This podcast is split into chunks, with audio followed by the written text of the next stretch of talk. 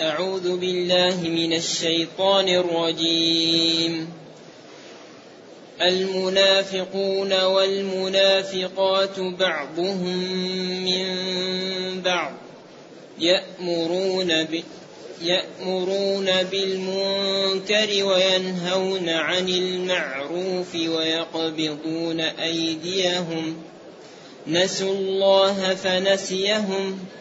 إن المنافقين هم الفاسقون وعد الله المنافقين والمنافقات والكفار نار جهنم خالدين فيها هي حسبهم ولعنهم الله ولهم عذاب مقيم كالذين من قبلكم كانوا أشد منكم قوة وأكثر أموالا وأولادا فاستمتعوا بخلاقهم فاستمتعوا بخلاقهم فاستمتعتم بخلاقكم كما استمتع الذين من قبلكم ۖ. كما استمتع الذين من قبلكم بخلاقهم وخضتم كالذي خاضوا أولئك حبطت أعمالهم في الدنيا والآخرة وأولئك هم الخاسرون. حسبك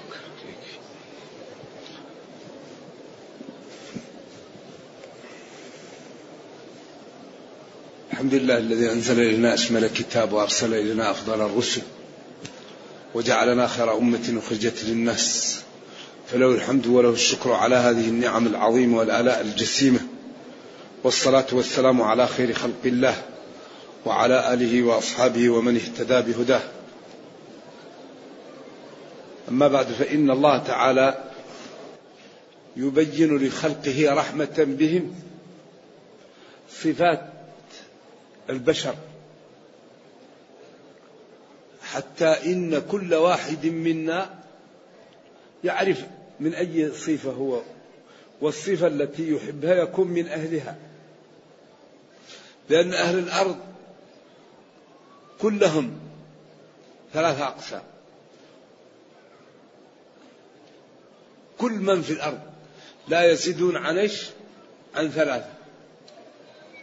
مسلمون ومنافقون وكفار.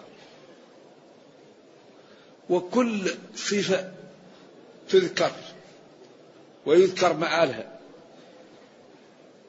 وصفات أصحابها وما به تتميز عن غيرها ثم تذكر الصفة الأخرى وأصحابها ومآلهم وهكذا ويتكرر هذا. مثل الرمية في البحر. تتخذ دائرة صغيرة ثم دائرة أوسع ثم دائرة أوسع ثم دائرة أوسع. لذلك هذا الدين دين الحقيقة دين الإسلام لا يقاوم أبدا. ما يمكن يقاوم الإسلام. إلا بماذا؟ إلا بالتجهيل أو عدم البيان. هذا الذي يقاوم به الإسلام. أن يكون المسلم مشغولا عن القراءة عن التعلم. فيكون جاهلا بالدين فلا يعرف قيمته. ومن جهل شيئا عاداه أو يقال للمسلم لا تتكلم اسكت. هذا الذي يقاوم به الإسلام. أما إذا فهم المسلمون الإسلام وسمح لهم بالتوضيح وبالكلام وبالبيان الإسلام لا يقاوم ولا يوصل إليه. لأن هذا كلام الله الذي أودعه من الحكمة والعلم والمنفعة والجمال والحسن ما إذا أراد الإنسان أن يصفه عجز عن ذلك. نعم. فيقول جل وعلا المنافقون. جمع منافق. والمنافقات جمع منافقة. آه الله أكبر. هم يقولوا المرأة المرأة. هذه المرأة ذكرت هنا. لأن المسلمين عندهم ضعف يقولوا ونحن نعطي للمرأة ما يحتاج. المرأة الذي يعطيها هو الإسلام. قال ولهن مثل الذي عليهن. ولهن مثل الذي عليهن. لكن قال وللرجال عليهن درجة. درجة القوامة. لا. فتجد كثير من المرأة المرأة المرأة المرأة ما يكرمها مثل الإسلام. لذلك من أرادت من المسلمات أن تعرف قيمة الإسلام فتذهب إلى الغرب. وتجلس هناك شهرا أو شهرين فترجع تائبة توبة نصوحة لما ترى مما, مما تعاني النساء عندهن من الاضطهاد ومن التعب. أما المرأة عند المسلمين يكفيك أنها لا تسافر إلا مع ذي محرم. لا يعني أنها محفوظة. وهم لو كانوا يريدون التسوية بين الرجل والمرأة لما جعلوا النساء في كل محل يصبغون وجوههن ويضعون لهم الحمرة والمكياج ويضعون لهم الأقراط وال... طيب ليش ما يضعوا هذا للرجل؟ في كل بلد. وليس وليس الذكر كالأنثى. في كل بلد في العالم تجد المرأة يحط لها في عيونها وفي آذانها وفي حلقها وفي يديها. طيب والرجل لا يعملها من الرجال إلا من هو مريض إلا من فيه انفصام لأن الرجولة جمال ب ب ب بطبيعتها والأنوثة ضعف. أو من ينشأ في الحلية؟ فهو في الخصام غير مبين. لذلك قال هنا المنافقون والمنافقات. أعطى للرجال وأعطى للنساء من هذه الشريحة التي هي شريحة طبعا من أخص الشرائح. قال والمنافق مأخوذ من النافقة. والنافقة الجربوع يجعل له غار كبير ويجعل غار صغير ويحط فوقه أشياء فإذا دوهم من المحل الكبير يطلع من النافقة. هذا هو أصلا اشتقاق المنافق؟ له فمان فم كبير يدخل منه وفيه فم عند عند أوقات الخطر. فإذا قفلوا عليه الباب ووضعوا له شيء يدخل من النافقة. يقال نافقة يعني يعمل من طريقين. كذلك المنافق يظهر الإسلام ولكن يبطل الكفر. عنده طريق أخرى واعتقاد ثاني كما أن الجربوع عنده إيش؟ عنده باب ثاني يدخل منه. هذا أصل النفاق. من النافقاء وهو طريق الجربوع الأخرى. والقرآن يكثر من بيان المنافقين. لأنهم استفادوا من الدين وهم كذبة. غير صادقين. لذلك بين صفاتهم. آية المنافق خمس. إذا صدق إذا إذا وعد أكذب وإذا وعد أخلف وإذا حدث كذب وإذا اؤتمن خان وإذا عاهد غدر يعني وإذا خاصم فجر. المنافق دائما له صفات. فلذلك يحذر المسلم أن تكون فيه صفات المنافقين. وهؤلاء ناس أرادوا أن يجعلوا أنفسهم شطارا وأذكياء ويأخذوا العصا من وسطها. فقالوا نحن نستفيد من هؤلاء وهؤلاء. ولكن هذا صار عليه وبال. قال مذبذبين بين ذلك لا إلى هؤلاء ولا هؤلاء. ونتيجة لهذا المسلك السيء. قال إنهم في الدرك الأسفل أو في الدرك الأسفل من النار. دركات النار هم أدنى أشد شيء في النار المنافقون. لهذا الصريع السيء استفادوا من الإسلام ومن المسلمين وكذبوا وغدروا وتعبوا في ولذلك النبي صلى الله عليه وسلم كان يعلمهم علمه جبريل. لكن الإسلام لا يقبل إلا الظاهر. هذا الدين مبني على الظواهر الحقائق بين العبد وبين الله. ولما كانت الحقائق لا تنطبق ولا و و و ولا يعلمها إلا الله جعل الحقيقة بين العبد وبين الله. أما نحن في الدنيا فلنا أمور منضبطة نتحاكم إليها. العدالة. شيء منضبط. هل هو صادق أو كاذب؟ ما لنا شغل.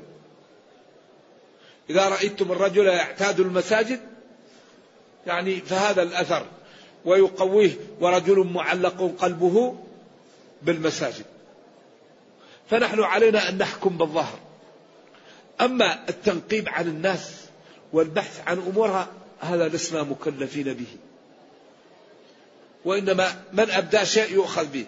لذلك المنافقون ما أخبره النبي صلى الله عليه وسلم به جبريل ما أخذهم به. لكن لما قال بعضهم ما رأينا مثل قرائنا ناداه وقال له قلت كذا؟ قال له كنا نخوض ونلعب. فنزلت الآية أبي الله وآياته ورسوله كنتم تستهزئون. لما جاءوا هؤلاء وتكلموا في عرض عائشة رضي الله عنها وشاع وقالوا فلان وفلان وفلان الذين هم على الدين أقوى الأقوال أنهم أقيم عليهم الحد. أما الذي هو منافق منافق لم يقم عليه الحد. لأنه يدخر له يوم القيامة. أما هؤلاء الذين أهل دين وقالوا هذا الكلام أخذوا به. لذلك قال أشهدوا ذوي عدل منكم. وقال وإن قيل لكم ارجعوا فارجعوا. وقالوا فإن لم يأتوا بالشهداء فأولئك في شرع الله هم الكاذبون لأنهم أخبروا بما لا يحل لهم الإخبار به. فالحقائق بين العبد وبين الله. لذلك قالوا القاضي لا يحكم بعلمه. لا يحكم بعلمه. إذا جاءه الشهود وثبت القضية يحكم بها. أما علمه هو لا هذا له. لأن هذا لينضبط. و سبحان الله. و و والتعب لا ينضبط. فأنيط القصر بالمسافة. ليس عليكم جناح أن تقصروا من الصلاة. ما قالوا يتعب ما يتعب ما ينظر. مسافة قصر إيش؟ أو ما يسمى قصرا في, في, في اللغة وفي الشرع. يقصر فيه وما لا يسمى سفر لا يقصر فيه لأنه الشريعة دائما تناط بما ينضبط. أما الأمور التي لا تنضبط لا تناط بها الشريعة حتى تكون مضبوطة. يقول جل وعلا المنافقون والمنافقات هؤلاء الذين يظهرون الإسلام ويبطنون الكفر. ولذلك المنافق والمنافقة لا يقومون بالعبادة إلا إذا رأوا الناس. إذا لم يروا الناس لا يصلون. لا يهتمون بالطهارة ولا بالوضوء ولا بالنية وإنما إذا رأوا الناس يذهبوا يصلون أو يدفعون الزكاة ويعملون العبادات تقية. ولذلك الأوقات التي يكون فيها الظلام أو تقل فيها الناس لا يرون ولذلك العبادة ثقيلة عليهم لأنهم لا يؤمنون. ما عندهم إيمان فلا يستطيعون مواظبة على العبادة والقيام بها. قال بعضهم من بعض بعضهم من بعض. المنافقون مبتدأ المنافقات معطوفة عليه.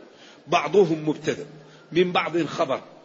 المبتدأ والخبر خبر عن المنافقون أو المنافقون مبتدأ وبعضهم بدل منها ومن بعض هي الخبر. هنا قال بعضهم من بعض. يعني بعضهم من شكل بعض وشبيه ببعض وكل منهم يكره الدين ويبطن الكفر والخساسة. فهم مثل بعض. لكن ما قال إنهم هم مثل بعض في الخساسة لكن ما بينهم تحاب وتواد. لا يشبهون بعض في الكفر وفي الدناءة. لكن الجوانب الطيبة هم ليسوا فيها. وإنما هم من بعض في الجانب إيش؟ السلبي كما قال تحسبهم جميعا وقلوبهم شتى. فهم يتشابهون في الضلال والفساد وفي الكفر وفي محبة إيصال الأذية للمسلمين وفي البعد عن الخير. ولذلك بين بعضهم من بعض فيما لا فيما لا بعضهم من بعض. بعضهم من بعض في في الأعمال في الإجراء في الحركة فيما يكون بين الناس. ولذلك قال يأمرون بالمنكر. يأمرون بالمنكر. يأمرون من أطاعهم ممن يخالطهم من خلق الله بالمنكر. المنكر كل أمر لا تبيحه الشريعة. ولا في قول يقول إنه مباح هذا منكر. أما المسائل المختلف فيها لا يقال لها المنكر يقال له الإرشاد والنصيحة والبعد عن الريم والاحتياط في أمور الدين. ذلك الذي ينكر المنكر والمنكر ما أجمع على تحريمه كالغيبه والنميمة.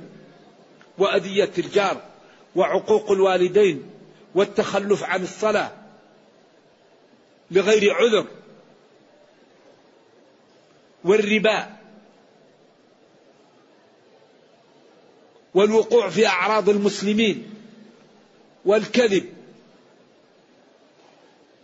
كل هذا منكر. فتجد المنافقين يأمرون بالمنكر. ليش تمشي في الجهاد؟ ليش تدفع مالك؟ تدفع, تدفع مالك وتتعب. ليش تفعل كذا؟ وينهون عن المعروف. المنكر كل ما تنكره الشريعة. وقلنا في فرق بين مسائل الاختلاف وبين مسائل المجمع عليها. مسائل المجمع عليها هذا منكر. مسائل الخلاف يقال إيش النصح والإرشاد. يا فلان. ما في أحد قال أن هذا الذي تعمل مندوبة والسنة. بعض العلماء قال مكروه وبعض القرآن قال حرام. الأولى إيش؟ الترك. مثلا إذا دارت بين الكراهة والحرمة والإباحة الأولى إيش؟ تركها.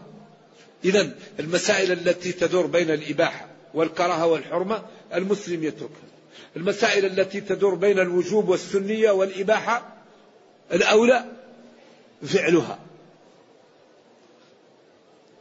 لذلك ينبغي للدعاة وللمهتمين بالدين أن يفرقوا بين المنكر وبين المسائل الخلافية. مسائل الخلافية يكون فيها الإرشاد والنصح والتوجيه والإقناع والرفق والمنكر تقول لصاحبه أيضا بالرفق هذا منكر. أيوة، فلا بد أن نفرق بين المسائل ولا نجعلها حتى لا لا لا نقع فيما لا ينبغي. ولذلك أمر الله أن أن أن يبين للناس بالطريقة التي تكون مقنعة بالطريقة المناسبة. قال تعالى أدعو إلى سبيل ربك بالحكمة. الحكمة هي وضع الشيء في موضعه. ادعو إلى دينك بالطريقة التي تكون مناسبة للمدعوين. ولذلك أحيانا لا يصلح إلا اللين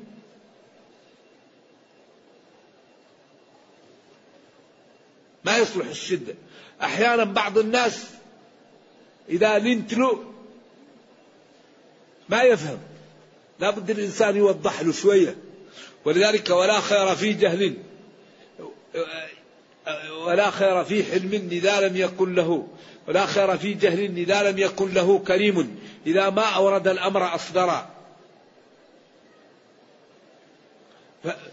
فالحلم في فالجهل في غير موضعه جهل والحلم في غير موضعه أيضا جهل. فكل الأمور لها محلها ولذلك البلاغة هي هي مطابقة الكلام لمقتضيات أحوال الناس. لكن الحكمة هي أن يوضع الأمور في مواضعها. لكن تكون الموعظة حسنة. ادعو إلى سبيل ربك بالحكمة. الحكمة أن تكون الدعوة بالطريقة المناسبة. لكن الموعظة لابد أن تكون حسنة. موعظة ما فيها شتم ولا فيها استهزاء. ولا فيها تقريع. تكون موعظة جميلة كما قال تعالى فقولا له قولا فقولا آه، لعله يتذكر.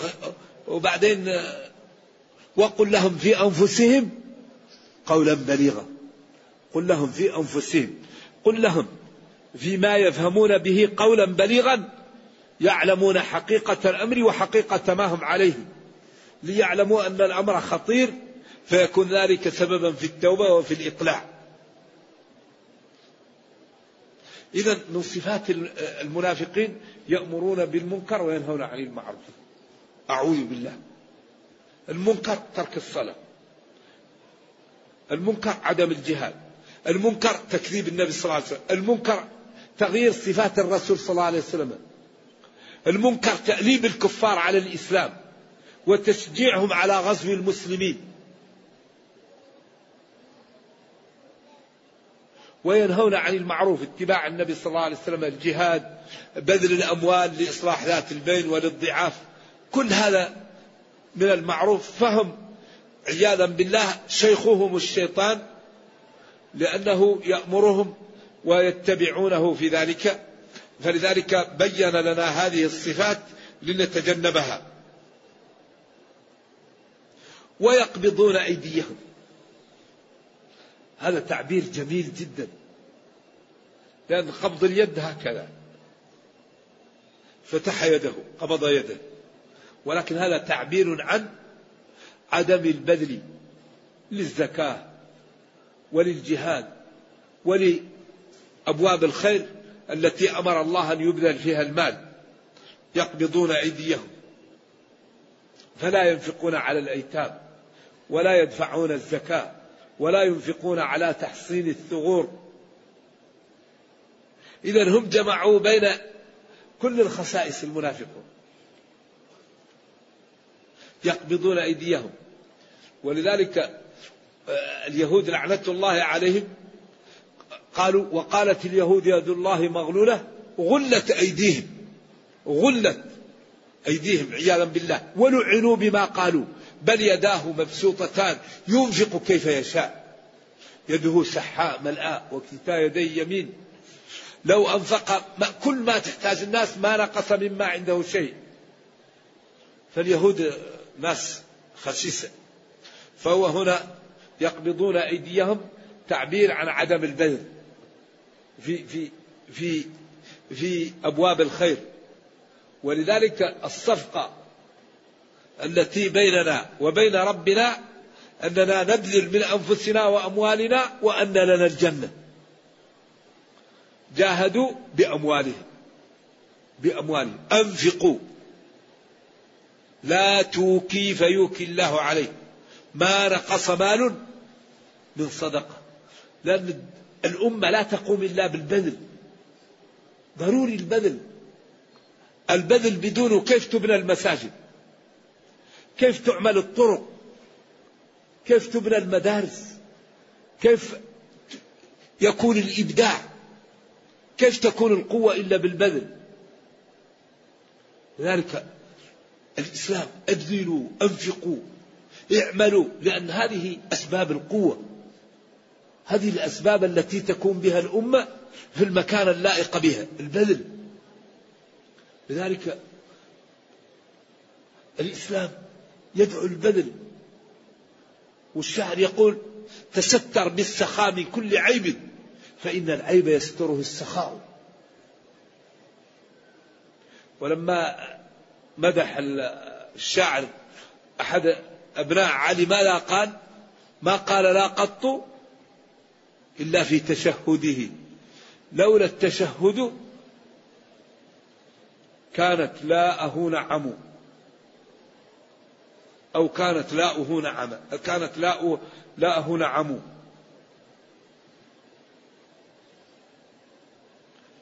فالبذل مهم جدا. ولما قالوا على بخل فيه قال وأي داء أدوأ من البخل؟ وأحضرت الأنفس ومن يوق شح نفسه. فأولئك هم المفلحون. ذلك من أهم ما يقوي الأمة البذل. البذل في المدارس. البذل في العقول. الأمة المسلمة الآن أكبر شيء تزهد فيه ما هو؟ العقول. الغرب لا يبذل في شيء مثل العقول. والأمة المسلمة كل سنة تصرف في التعليم العالي أربعة بلايين العالم الإسلامي. سنويا أربعة بلايين دولار في التعليم العالي وتذهب إلى الغرب. أطباء حاسوبيين علماء ذرة جيولوجيين فيزيائيون. والمسلمون يزهدون فيها فتذهب إلى الغرب.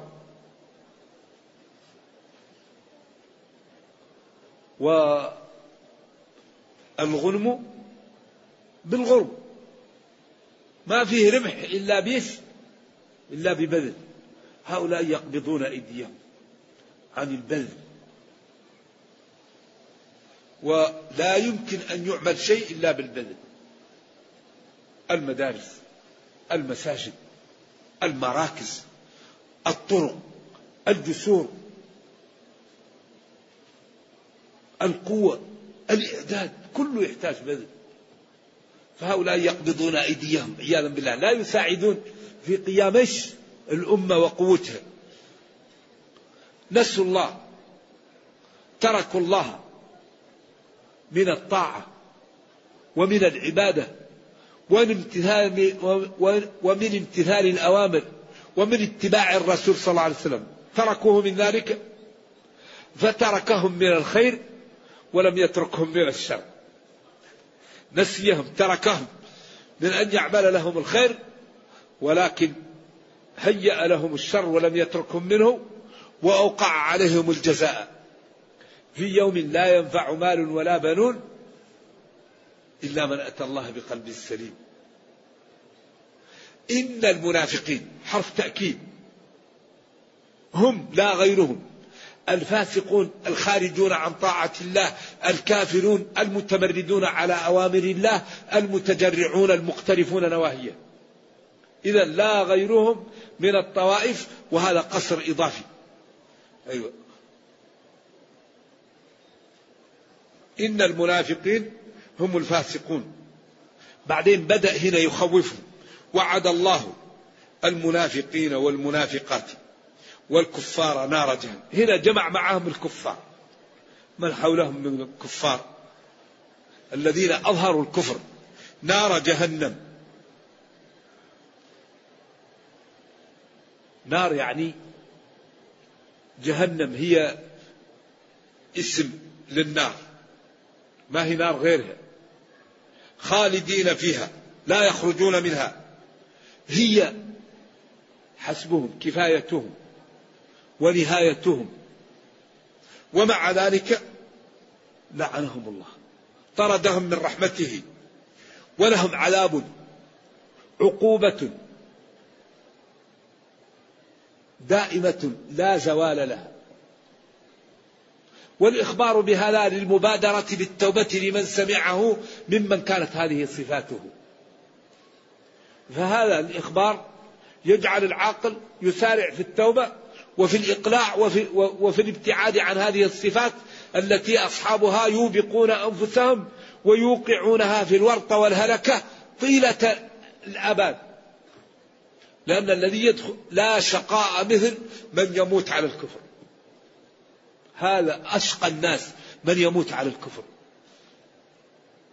وأسعد الناس من يموت على لا إله إلا الله. لا يوجد شيء مثل من أكرمه الله أن يكون آخر كلامه لا إله إلا الله.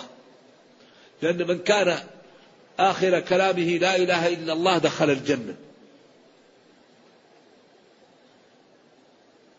والحقيقة أن الذي يخيف ويزعج ويجعل العاقل لا يقر له قرار ما الذي كتب لنا في في اللوح المحفوظ؟ هذا هذا يزلزل العلماء يزلزل الأتقياء يزلزل من عندهم تفكر وتنبه. لأن الذي في اللوح المحفوظ من يعلمه؟ الله. وكم من إنسان يعمل فيسبق عليه القلم إيش؟ نرجو الله السلام والعافية. لذلك ينبغي لنا أن نخاف. وإذا خفنا أن نأخذ بالأسباب. نبتعد عن موارد العطب الكبائر. ونسأل الله ونجتهد في العمل بقدر ما نستطيع. لأن العلاج الاجتهاد في الطاعة والابتعاد عن المعاصي. هذا هو العلاج. لأن فيه ختم. ينفخ فيه الروح شقي أو سعيد. فيه الروح شقي أو سعيد. زي الختم المهر. لكن نبينا صلى الله عليه وسلم بين من الشقي ومن السعيد. شوف المنافق بين صفاته هنا. والتقي بين صفاته هنا. والكافر بين صفاته. فكل واحد يشوف الصفة صفة الأتقياء فيتبعها ويسأل الله التثبيت.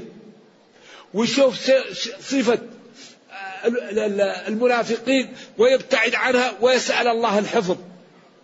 ويشوف صفة الكفار ويجتنبها ويسأل الله الحماية. هذا هو العلاج. العلاج أن يجتهد أحدنا في العمل مع سؤال الله. مع سؤال الله ومع الخوف. الحفاظ المحافظة. لأن عياذا بالله تعالى يحال بين المرء وبين قلبه. الإنسان إذا فتن يكون عاقل ومحترم ولكنه عياذا بالله يحال بينه وبين قلبه تراه لا يريد الصلاة كيف أنت عاقل ولبيب وكلامك طيب وفاهم ومثقف ولا تصلي؟ هذا مطموس بينه وبين قلبه. عنده مال وطيب لا يزكي. عنده عقل وعلم وكل ما جلس فلان فيه وفلان قال وفلان عمل ويأخذ أحسن ما عنده يوزعه على الناس الذين لا يحبهم. هذا مطموس عليه.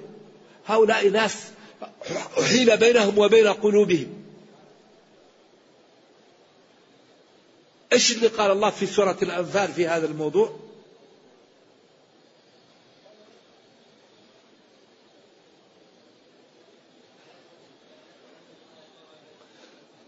واعلموا أن الله يحول بين المرء وقلبه.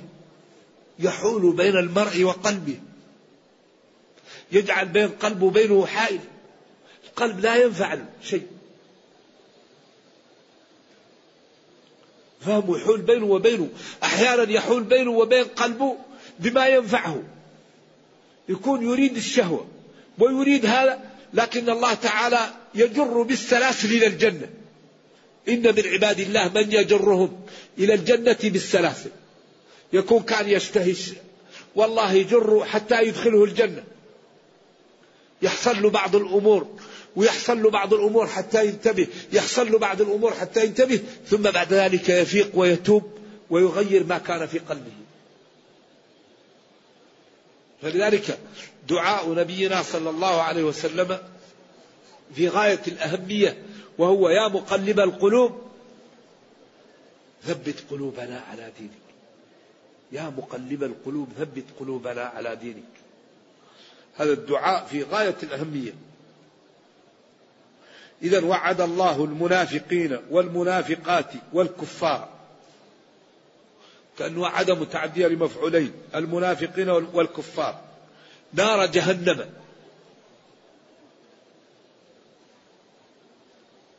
خالدين دائمين فيها. هي كفايتهم وهي مقرهم. ومع ذلك طردهم الله من رحمته. ولهم عذاب دائم لا خروج ولا مقيم لا يزول. ثم قال كالذين من قبلكم. كالذين من قبلكم. هنا يحتاج لها تأمل. أين نعلقها؟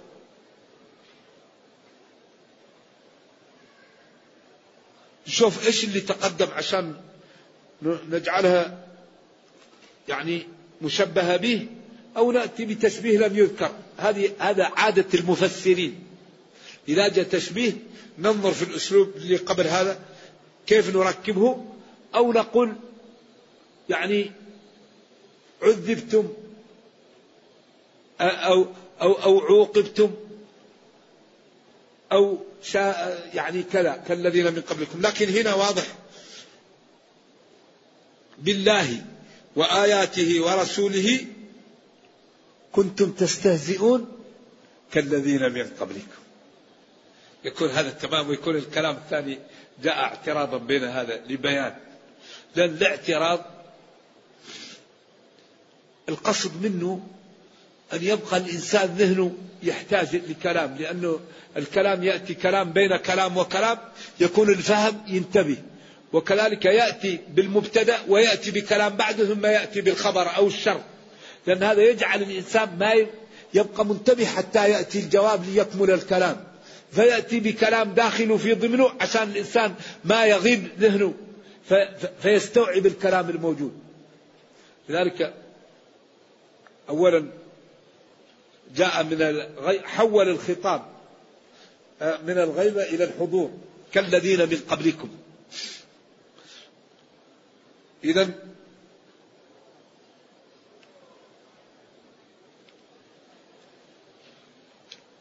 أبي الله وآياته ورسوله كنتم تستهزئون كالذين من قبلكم. وهذا وفي أقوال غير هذا وهذا هو الذي أشار له ابن جرير رحمة الله عليه في كتابه ربطه بذلك.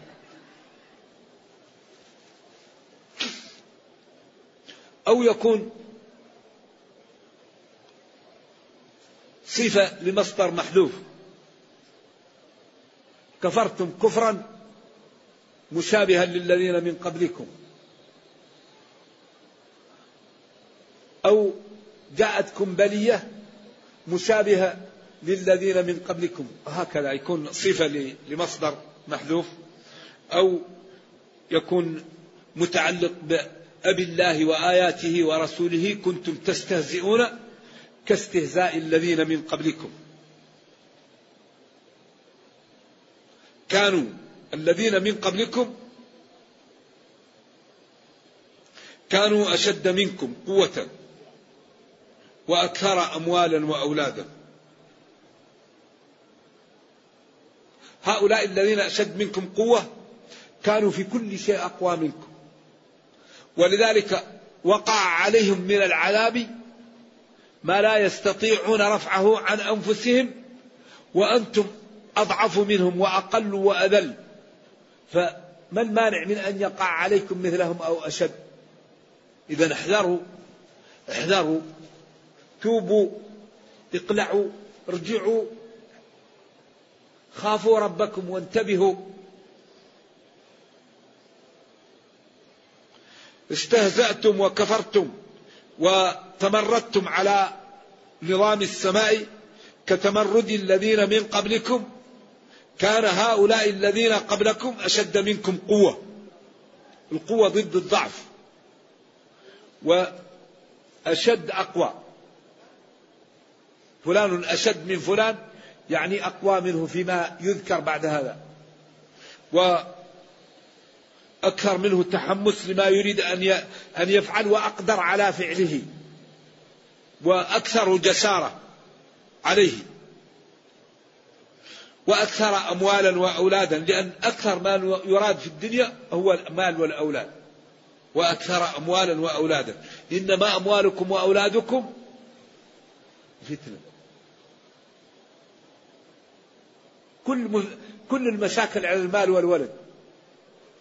بعدين الله يقول والله عنده أجر عظيم. ما تجدون من المتع في المال والولد أعظم منه ما عند الله من الأجر لو اتقينا الله في المال والولد. ولذلك ينبغي للمسلم إذا رأى ما في قلبه من محبة لولده ولماله يعلم أن ما عند الله مما يكرمه به ويمتعه به أعظم من المال والولد فلا يكون عصيانه بسبب المال والولد. فيتقي الله في ذلك ولا يكون المال والولد سببا في أن يعصي ربه. فاستمتعوا بخلاقهم بحظهم بمالهم بعمرهم بما عندهم. فاستمتعتم بخلاقكم أنتم بما عندكم. وبعدين قال كما استمتع الذين من قبلكم بخلاقهم. وضح هنا. إذا كفرتم وتنعمتم وهم كفروا وتنعموا كما كفرتم أنتم وتنعمتم. ثم اختصر في آخر الكلام قال وخذتم كالذي خاضوا. لأن الأمر اتضح. وخضتم الخوض هو قطع الماء الذي ليس عميق مشى فيه خاضه. فعبر عن الكلام في الحرام والكلام فيما لا يعلم وعدم الانتباه بالخوض. خضتم كالذي خاضوه أو كخوضهم.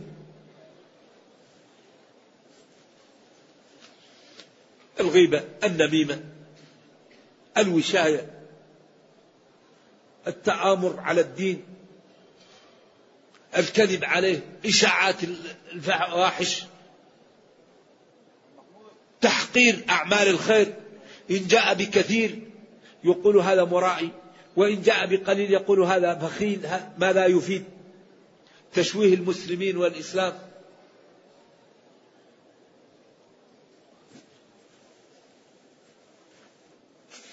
أولئك هؤلاء الذين هذه صفتهم سواء كان من المتقدمين أو من المتأخرين حبطت أعمالهم. وهذه هي الكارثة الكبيرة. أن الإنسان يأتي يوم القيامة لا يجد له عمل. الحبط هو انتهى. حبط الشيء إذا بطل ولم يجد له شيء. أقام دعوة وتعب وراءها بعدين بطلت. ما ما فاد منها. عمل غرسا فلم ينبت. بطل حبط ما ما فاده فالحبوط هو عدم إيجاد الإنسان ثمرة ما فعله بأن لم يجد منه شيئا. يقال حبط عياذا بالله. أولئك من هذه صفاتهم عياذا بالله حبطت أعمالهم بطلت.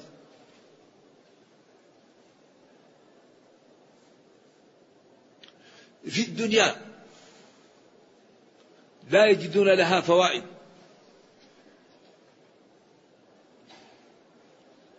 والآخرة أيضا.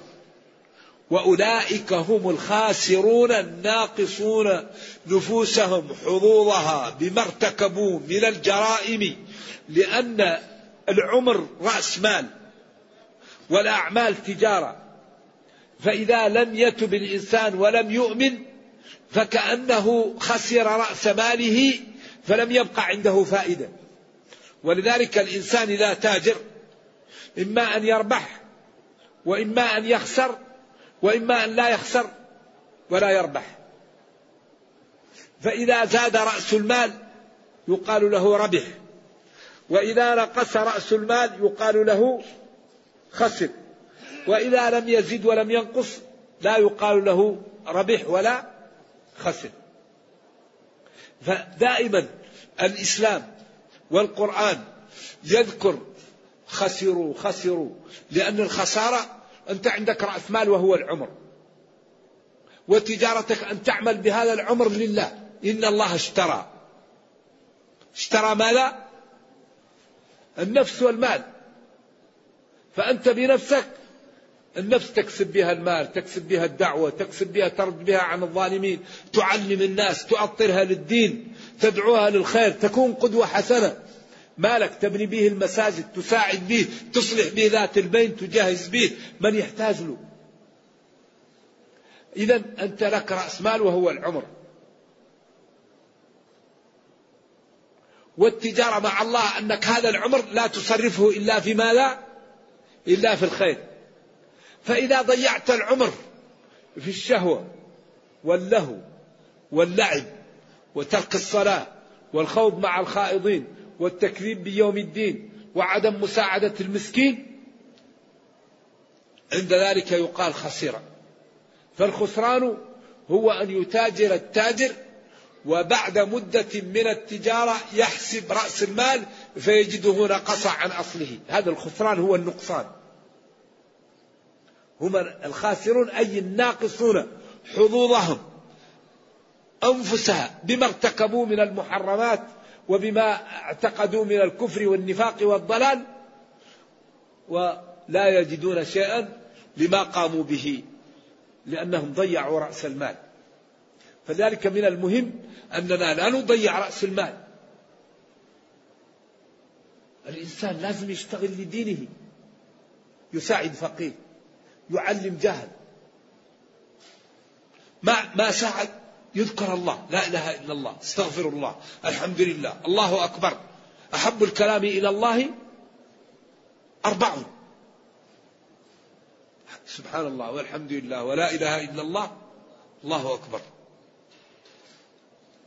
غراس الجنة هو الذكر والاستغفار. سبحان الله. والباقيات الصالحات خير عند ربك ثوابا. تتعلم آية آيتين. خير من ناقة أو ناقتين كوماوين. دين. يعني ولذلك المسلم ينبغي أن ينتبه وي وي ويثمر رأس المال في المنافع. نثمر رأس المال فيما ينفعنا. كيف نثمره؟ نثمره في العلم. نثمره في العبادة. نثمره في إصلاح البيت نثمره في القدوة الحسنة. لا يوجد شيء أنفع للمسلمين من القدوة. أنت تكون قدوة لا تكذب لا تغتاب لا تنمي لا ترابي لا تتخلف عن الجماعة. خلاص تكون قدوة حسنة. فكل من رآك استفاد منك إذا هؤلاء عياذا بالله حبطت أعمالهم بطلت. لا يجدون لها فائدة لا في الدنيا ولا في الآخرة. لأن في الدنيا أخذوا حقها. ومن أراد العاجلة عدلنا له فيها ما نشاء. الآية الأخرى كان فيها يعني أنه يعطى ثم قيد لمن يشاء الله.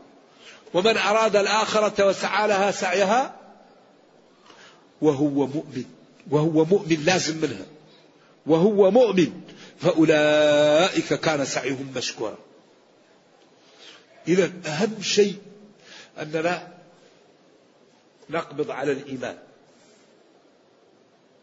الإيمان بأنه لا ينفع ولا يضر إلا الله. الإيمان بأنه لا يكون في الكون إلا ما أراد الله. الإيمان بأنه لا يعبد إلا الله. الإيمان بأنه لا يتصف بالكمال المطلق إلا الله. فإذا آمنا بالله وعلمنا أن كل شيء من الله وأن ما أراد الله يكون وكففنا عن النواهي وعملنا ما نستطيع من الأوامر الله يغمرنا بالخير. لأنه قادر وكريم يغمرنا بالخير. من أراد الغنى أغناه ومن أراد العلم علمه ومن أراد العزة عزه ومن أراد الصحة أعطاه. لأن الله يقول ادعوني أستجب لكم. ادعوني أستجب لكم. أما يجيب المضطر إذا دعاه. فلذلك نجتهد في أن نكون عبادا لله. فإذا كنا عبادا لله الله أعطانا الله دفع عنا الله حمانا الله أغنانا. ثم بين أن الأمم التي كانت أقوى منهم وأقدم وأكبر وأعتى أن حصل بها ما حصل لأجل الكفر والطغيان. فقال ألم يأتهم نبأ الذين من قبلهم؟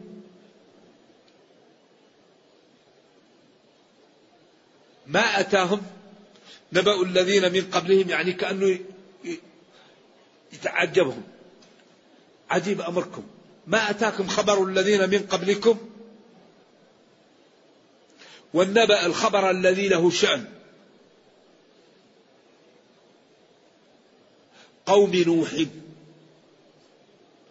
ألم يأتكم نبأ الذين من قبلكم قوم نوح؟ كأن قوم نوح مترجم أو مبدل من الذين. ألم يأتكم نبأ قوم نوح؟ لأن الذين من قبلكم هم قوم نوح وكذا فهي ترجمة عنها أو بدل. ألم يأتي هؤلاء؟ بعدين الذين من قبلكم ثم حول الكلام وقال لم يأتهم لأن التحويل من الخطاب للحضور وللغيبة هذا يعطي للكلام تطرية ويعطي للسامع نشاطا حتى لا يعني يتغافل عن الكلام. تلوين الكلام مدعاه للإنصات ولعدم الصدود عن الكلام. فلذلك أجمل الكلام هو القرآن. نعم كلام الله. ألم يأتي لهؤلاء الكفار الذين أرسلت إليهم يا نبي؟ الخبر الذي له شأن الذي حصل لقوم نوح نوح أول الرسل بعد آدم. بعدين قال وعاد وثمود وقوم إبراهيم وأصحاب مدين والمؤتفكات. نوح جلس في قومه ألف سنة إلا خمسين عام. وبعد أن يتبعوه يسخروا منه ذكورهم وإناثهم وأطفالهم. وبعدين قال له رب لن يؤمن من قومك إلا من قد آمن. بعدين دعا عليهم رب لا تذر على الأرض من الكافرين إنك إن تذرهم يضلوا عبادك ولا يلدوا إلا فاجرا كفارا. قال له اصنع السفينة. فبدأ نوح يقطع الخشب. قالوا له عجيب بعد أن كنت نبيا صرت إيش؟ نجارا. وبدأوا يسخرون منه وبدأ نوح يعمل نوح يعمل السفينة ويصلحها. وهم يسخرون منه. لما صلح السفينة قال لمن آمن معه اركبوا وكان قليل وقال لابنه يا بني اركب معنا؟ ولا تكن. قال له أنا نشيط نطلع على الجبل قال له يا ابني الجبل الأمر أعلى وأفخم. الجبال ما تنفع في هذا. لا لا تعال معانا بس هذا ما ينفع. وبعدين نوح لأن ربه قال له إنا منجوك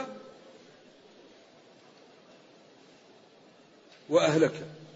فظن أن ابنه من أهله فتركوا لأنه هذا وعد من الله.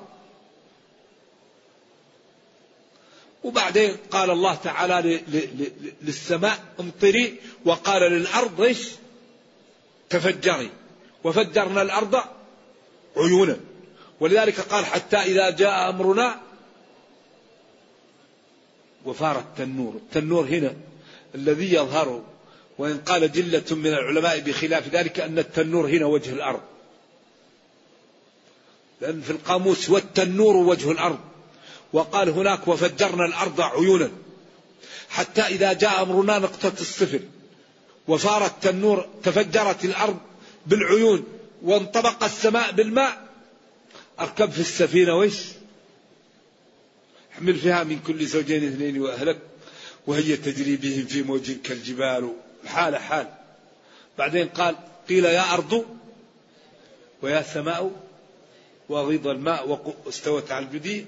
نوح قال ربي إن ابني من أهلي وإنك وعدتني نجاة أهلي. قال له يا نوح إنه ليس من أهلك الموعود بنجاتهم إنه عمل غير صالح. وهذا أكبر دليل على أن الرسل لا تعلم الغيب. هناك قال ربي إني أعوذ بك أن أسألك ما ليس لي به علم. خاف نوح. وإلا تغفر لي وترحمني أكن من الخاسرين. قوم نوح وعاد. عاد. قوم هود. كمان. وأصبح جاءتهم الصيحة وهلكوا.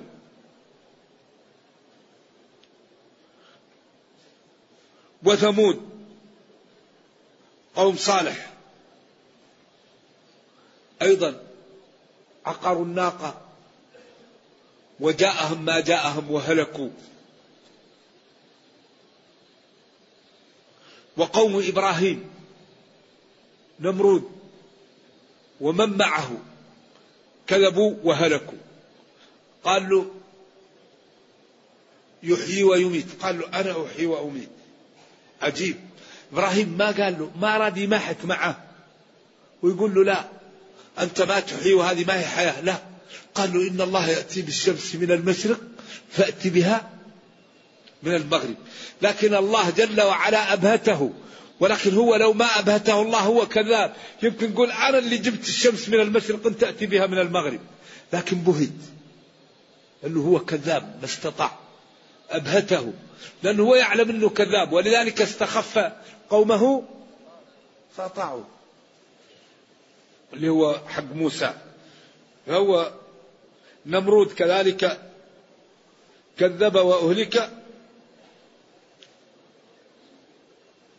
وأصحاب مدين. وهم الصحيح أنهم قوم شعيب. والمؤتفكات. قيل لما قال المؤتفكات؟ أتتهم رسلهم بالبينات. هنا إشكال. مدين أرسل لهم رسول واحد وقال أتتهم رسلهم؟ قال لأن المؤتفكات قرى فكان الرسول يباشر واحدة ويرسل أتباعه للقرى الأخرى يبلغوهم. وقيل قد تطلق الرسل على رسول لأنهم كلهم مصدقون لبعض وجاءوا بطريق واحدة. ولذلك قال يا أيها الرسل كلوا من الطيبات واعملوا صالحا. وهذا مخاطب به النبي صلى الله عليه وسلم. نعم.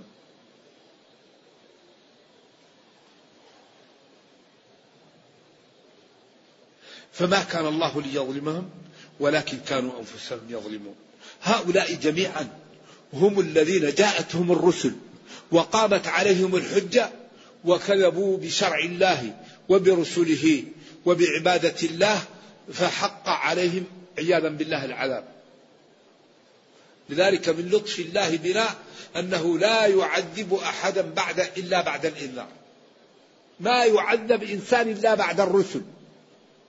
وما كنا معذبين حتى نبعث رسولا.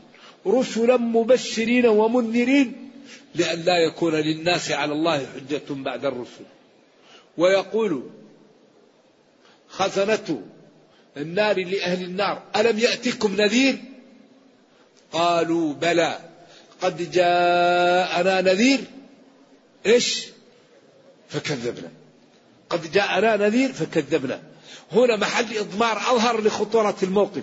ما قال جاءنا جاءتنا. ألم يأتكم نذير؟ بلى جاءتنا. قال جاءنا نذير فكذبنا.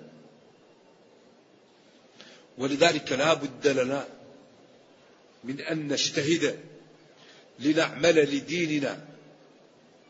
ولأمتنا كما نعمل لأنفسنا ولأموالنا. لا نجعل الدين أقل من الأموال والأنفس.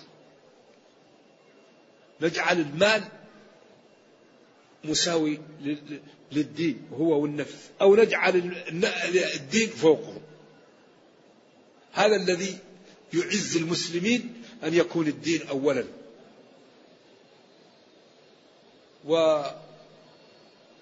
وتعلمون أن الدنيا يحكمها قانون إيش؟ قانون المعاوضة. الدنيا تعطيك ما تعطيها. أوفوا بعهدي وفي بعهدكم. إن الله اشترى اشترى. لولا المشقة ساد الناس كلهم. فحري بنا أن نبذل لننال. نجتهد في العلم. نجتهد في الطاعة. نجتهد في إيصال الخير للضعاف من المسلمين. عبادة الرجال منافع المسلمين. نجتهد في أن لا يبقى بيننا عاطل. نجتهد في أن لا يبقى بيننا فاسق. نجتهد في أن لا يبقى بيننا مريض. ولا عاني نتساعد وتعاونوا. تعاونوا. كونوا مع الصادقين. تعاونوا. لا بد للصادقين أن يعرفوا بعضا وأن يتعاونوا على الرفع من مستوى الإسلام والمسلمين حتى تكون الأمة كما وصف الله خير أمة أخرجت للناس. وثقوا تماما أن العبد الذي يعطي ماله ووقته ونفسه لدينه ولأمته الله يعوضه بصحة البدن والعلم والغناء وصلاح الولد والبركة في الحياة. لأن الله لا يضيع أجر من أحسن عملا. الواحد منا إذا اجتهد لإعطاء وقته بعض من وقته وماله لدينه أو لأمته يعوضه الله بأن يجعل له الخير في عمره وفي ولده وفي ماله وأن يبارك له وإذا مات يجعل له الذكر الحسن ويكون كالغائب قدم على أهله. فلنجتهد أن نكون من الصالحين. نجتهد بأن نكون من أولياء الله.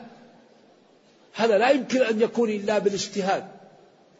ما يمكن واحد أن يأتيه التقى وهو لم لم يكابد البصر لم يكابد السمع لم يكابد اللسان.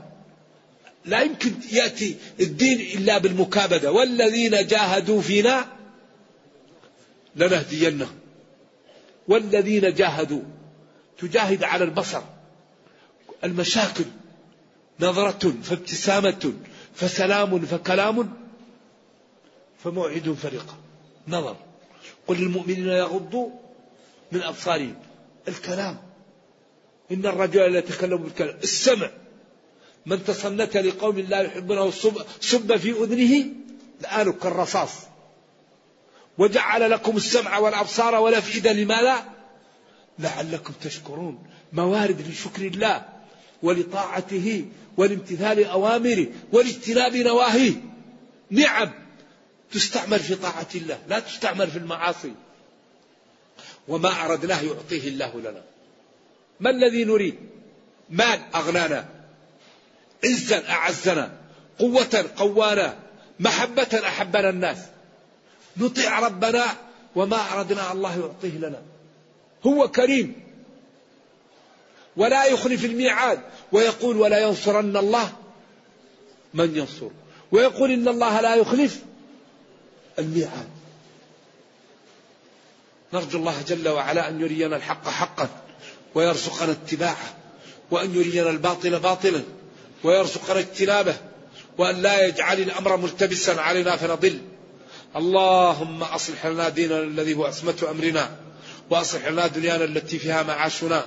وأصلح لنا آخرتنا التي إليها معادنا واجعل الحياة زيادة لنا في كل خير والموت راحة لنا من كل شر. اللهم اشف مرضانا ومرضى المسلمين ونفس كروبنا وكروب المسلمين. ونسألك يا رب أن توحد صفوف المسلمين وتقوي شوكتهم وأن ترد عنهم كيد أعدائهم وأن ترحم ضعفنا وتتجاوز عن سيئاتنا. إنك خير مسؤول والقادر على ذلك. وصلى الله وسلم وبارك على نبينا محمد وعلى آله وصحبه. والسلام عليكم ورحمة الله وبركاته. هل بعد آدم؟ آه نوح عليه السلام أو إدريس؟ الذي بعد آدم نوح. إدريس أظن متأخر. نعم. نعم. خلاص يكتفي.